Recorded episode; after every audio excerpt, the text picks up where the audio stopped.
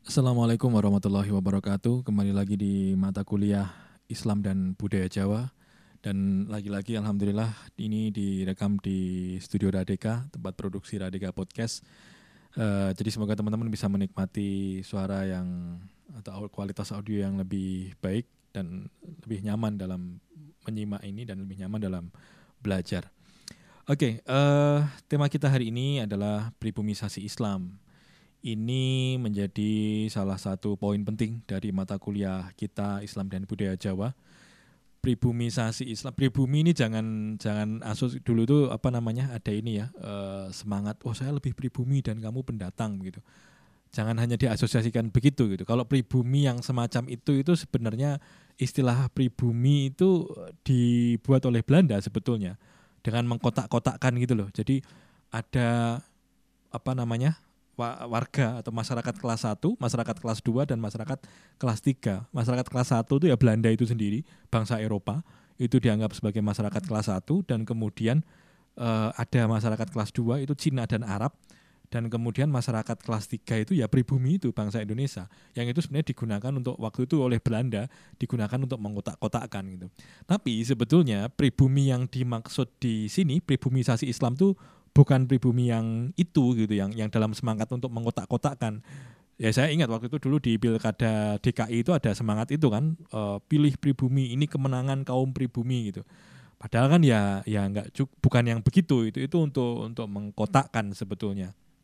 Dan yang dimaksud waktu itu adalah Ahok seolah-olah tidak pribumi hanya karena dia etnis keturunan gitu loh. Padahal kemudian kalau kita mau fair ya Anies Baswedan sebetulnya juga keturunan Arab gitu. Tapi kita tidak akan membahas politik itu. Tapi ini dalam kerangka apa masalah pribumi istilah penggunaan istilah pribumi ya. Oke, okay, uh, eh, istilah pribumisasi Islam ini sebenarnya adalah istilah yang dikemukakan pernah dikemukakan oleh Abdurrahman Wahid, uh, Kiai Haji Abdurrahman Wahid uh, atau yang populer dengan sebutan Gustur gitu, ada yang populer dengan panggilan Gustur. Uh, ini sebetulnya kalau kita mau secara etimologis ya, pribumi ini sama dengan istilah pribumisasi ya. Pribumisasi ini sama dengan istilah Indonesianisasi atau apa in, mengindonesiakan gitu. Ini Islam yang Indonesia gitu. Well, Islam itu dari Arab. Oke, okay, jelas itu ya. Uh, Nabi Muhammad, Nabi itu semua mengakui itu gitu. Tapi Islam itu kan mengalami perjalanan panjang sebagai sebuah agama begitu sampai kemudian dia tiba di Indonesia begitu. Saya tidak membayangkan kalau kemudian Islam ini tidak dipribumisasi, artinya tidak dikontekskan dengan masyarakat lokal gitu Ya, semuanya ya karena Islam dari Arab Nabi bertutur bahasa dengan bahasa Arab sampai bahasa pun ya kita harusnya mengikuti Nabi dalam bahasa Arab. Tapi kan rupanya tidak gitu. Berbahasa dengan tidak bahasa Arab pun juga orang Islam tidak harus berbahasa Arab juga gitu. Ya nggak ada masalah dengan bahasa Jawa lokal begitu. Jadi dakwah yang berbahasa Arab, dakwah berbahasa Indonesia dan dakwah berbahasa Jawa tidak ada yang lebih unggul gitu ya sama saja sebetulnya. Itu soal bahasa. Betapa kalau dulu tidak dipribumisasi ya itu akan akan sama dengan Arab dalam segala hal, berbahasa, berpakaian, makanan, rumah, arsitektur semuanya sama gitu. Tapi kan tidak. Islamnya ajaran dasarnya iya Islam gitu. Menyembah Allah, sholat lima waktu, puasa wajib Ramadan, itu iya itu itu dasar-dasar Islam gitu. Pasti di mana pun umat Islam punya kewajiban yang sama gitu. Tapi kemudian ketika Islam sampai di Afrika dia ketemu kebudayaan Afrika ketika dia di Cina ketemu kebudayaan Cina ketika dia di Malaysia juga dengan kultur Malaysianya di Singapura di mana pun lah di semua dunia ini dia akan bertemu dengan kultur-kultur lokal gitu loh karena sebetulnya sebelum Islam menyebar ke seluruh penjuru dunia, eh, kultur itu kan sudah ada gitu. Peradaban itu sudah ada. Jawa itu juga dulu sudah ada, masyarakatnya juga sudah punya peradaban gitu. Dan kemudian Islam datang. Ya nilai-nilai dasarnya ya tidak ada masalah kemudian diserap oleh uh, apa namanya uh, Islam Jawa begitu atau Islam di di mana pun sih. Ini uh, saya mohon maaf kalau contohnya sangat Jawa sekali tapi sebetulnya ya Islam di mana pun di Indonesia ini saya pikir tidak lepas dari sentuhan-sentuhan budaya lokal gitu loh. Dan uh, teman-teman bisa mencari itu entah di Makassar entah di tanah Sunda entah di Betawi entah di Sumatera itu pasti akan ketemu Islam yang yang itu bersentuhan dengan nuansa lokal gitu ya paling tidak dari sisi kulinernya, dari sisi adat istiadatnya gitu ya dengan uh, apa ketika Ramadan itu ajaran dasar Islam itu puasa Ramadan itu. Tapi cara mereka berbuka itu kan ekspresi-ekspresi lokal semua gitu. Di Betawi mungkin dia bukanya pakai apa itu. Biasanya khas khas Betawi itu dengan pecak ikan mas gitu ya atau atau apa yang makanan khas Betawi itu dodol Betawi atau nasi uduk gitu sahurnya pakai nasi uduk gitu. Di Jawa orang sahurnya pakai nasi pecel Madiun gitu. Itu kan sahur itu ajaran agama gitu tapi kemudian ada bentuk-bentuk lokal gitu. Ini ini yang harus dipahami oleh teman-teman. Tidak bisa kita terus wah Islamku yang paling murni. Kalau begitu ya gimana? Apakah kemudian dia buka dan sahur hanya dengan kurma dan daging unta gitu? Lagi-lagi saya akan akan mempertanyakan itu gitu. Jadi santai aja dalam beragama ya tetap dasar-dasarnya kita pegang tapi ekspresi-ekspresi lokal lokalitas itu pasti akan terus ada gitu. Oke, kemudian uh, ada beberapa prinsip ya yang harus dipahami eh, dari sasi Islam itu. Yang pertama bahwa proses Islamisasi atau Islam masuk ke Indonesia sebagai suatu ajaran yang normatif dari Tuhan itu diakomodasikan ke dalam kebudayaan yang berasal dari manusia tanpa kehilangan identitasnya masing-masing. Agama dari Tuhan, kebudayaan dari manusia bisa diakomodasi, bisa menyatu dan ya itu nggak ada persoalan gitu. Masyarakat menemukan makanan ini itu, menciptakan ini itu, ketemu dengan agama, praktek agama. Sedekah itu adalah ajaran agama.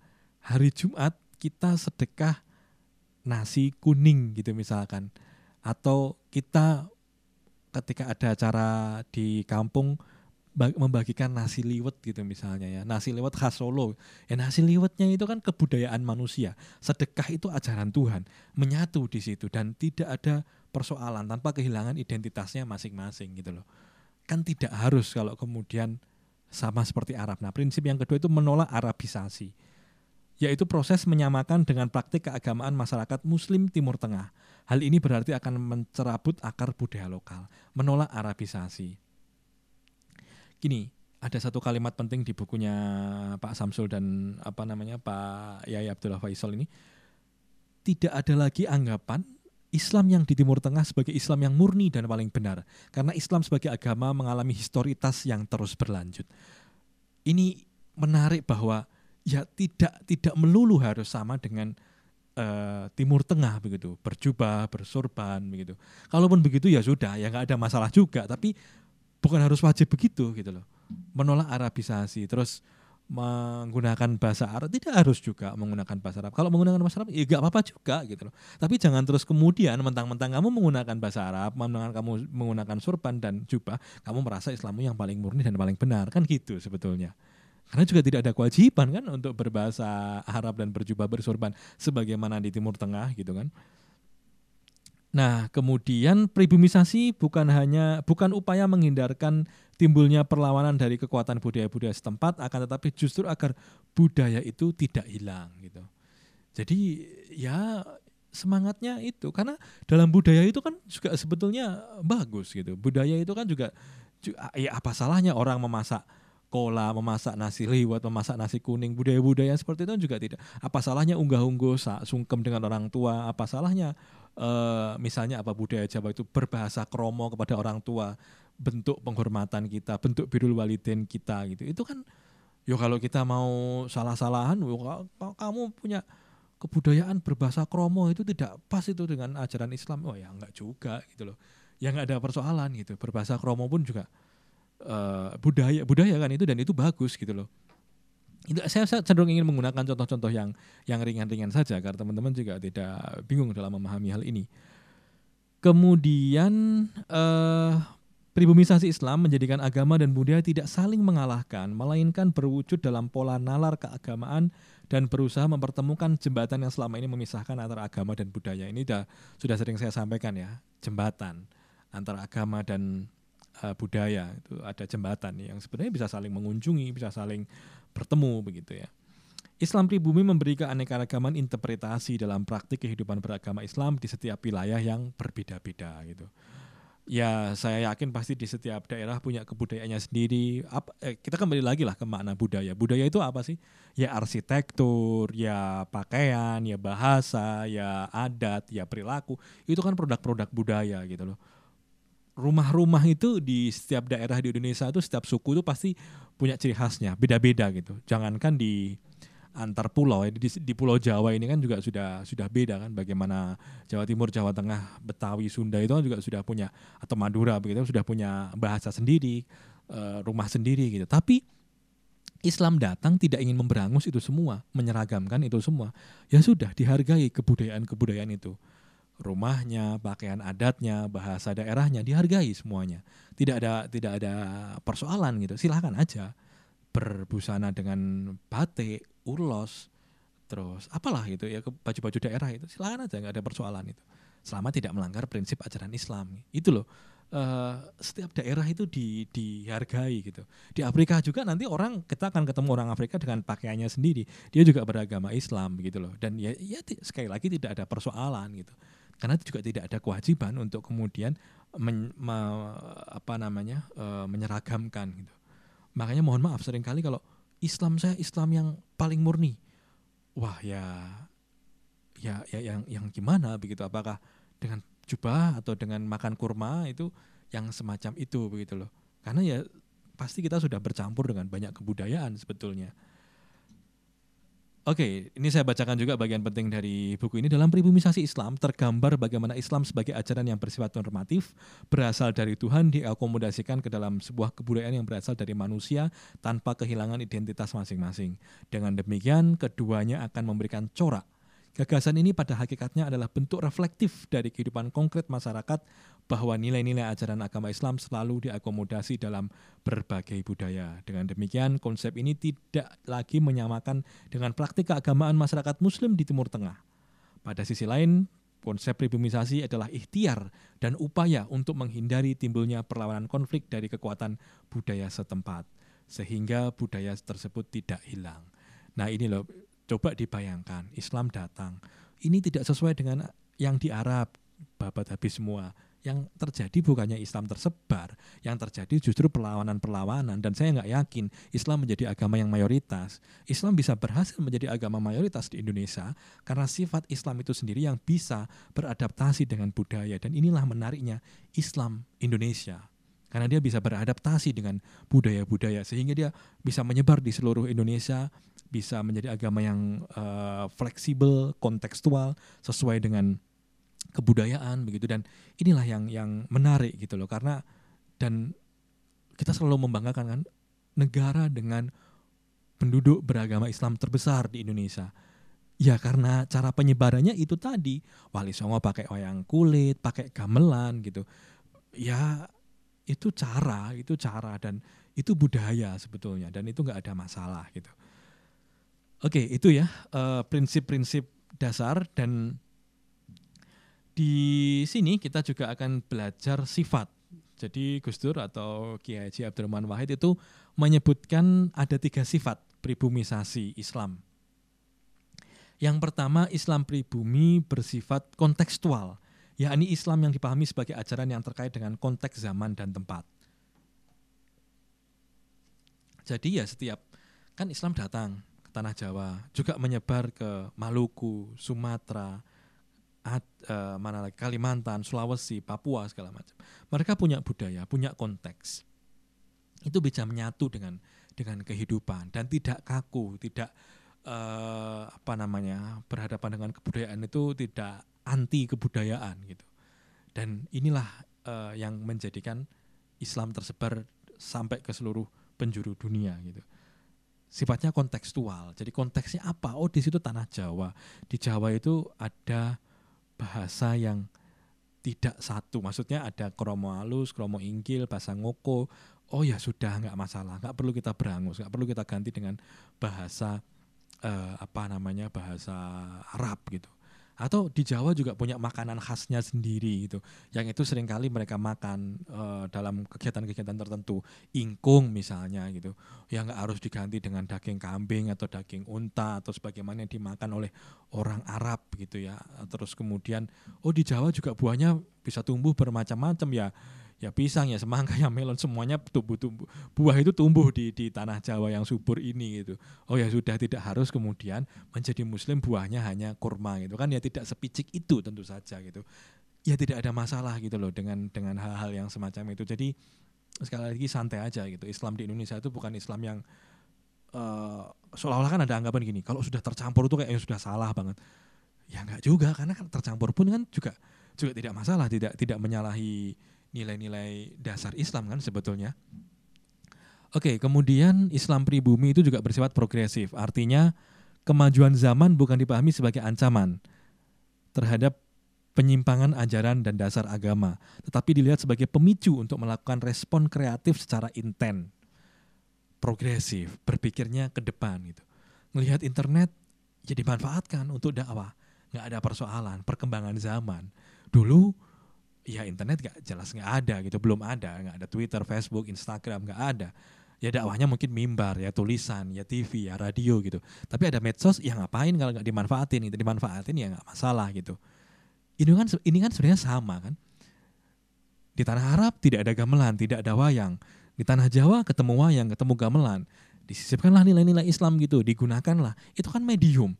Wayang gamelan itu medium sebagaimana sekarang Instagram, Twitter, Facebook itu juga medium dan itu digunakan di masa sekarang. Apakah salah? Ya tidak juga gitu loh.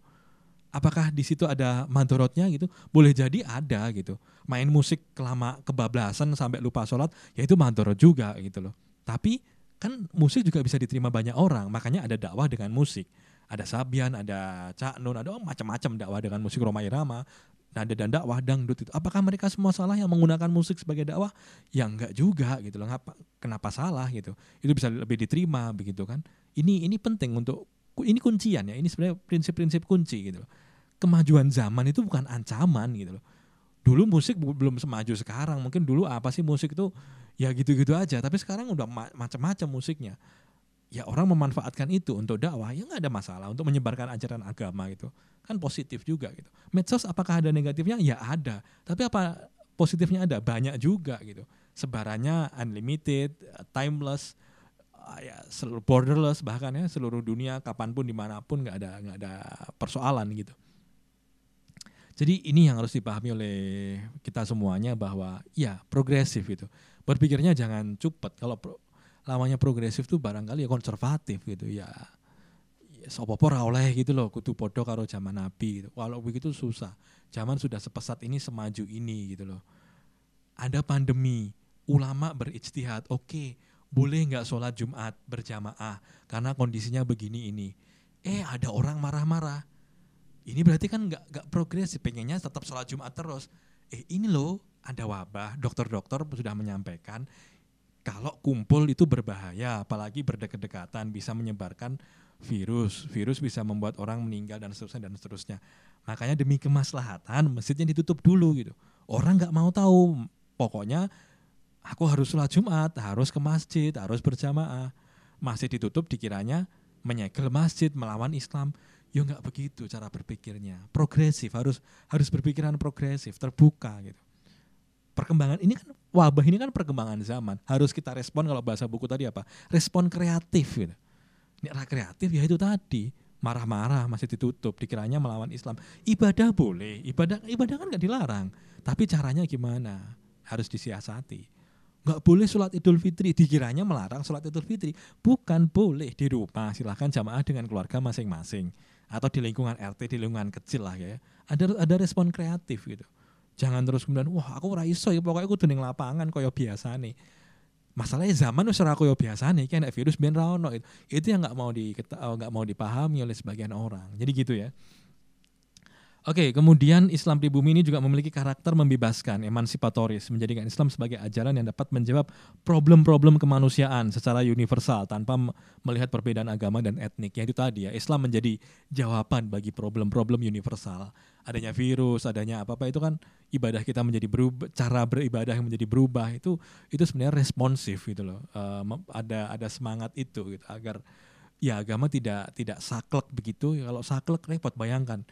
Wah kita nggak boleh ini harus sholat jamaah semuanya di masjid ini harus jumatan semua awal-awal itu berapa aja yang kena itu udah ditutup masih ditutup aja masih masih begitu kan Ya, ini ini menjadi apa namanya sebetulnya tantangan bagi kita beragama di masa pandemi ini juga menjadi satu hal yang menarik untuk dibahas katanya dengan Islam dan budaya Jawa juga kan atau Islam dan dan ya beragama di Indonesia lah gitu.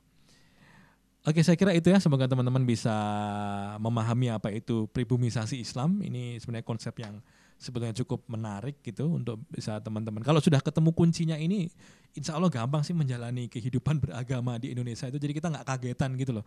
Menjadi umat Islam tuh nggak kagetan, nggak nggak baperan gitu. Kira-kira begitu. Semoga, semoga mata kuliah ini membantu kita menjadi moderat dalam beragama gitu. Atau kalau dalam bahasa Kementerian Agama apa moderasi beragama. Sebenarnya moderat lah, moderat dalam beragama gitu. Tidak menjadi yang sangat kaku dan dan strict gitu di sisi kaku itu ya silahkan keras kepada diri sendiri kepada orang lain itu tunjukkanlah sikap lunakmu dan ramahmu begitu. Sebenarnya begitu sih. Saya kira cukup kuliah kita hari ini. Terima kasih sudah menyimak dari awal sampai akhir. Ketemu lagi di pertemuan minggu depan. Akhirul kalam. Assalamualaikum warahmatullahi wabarakatuh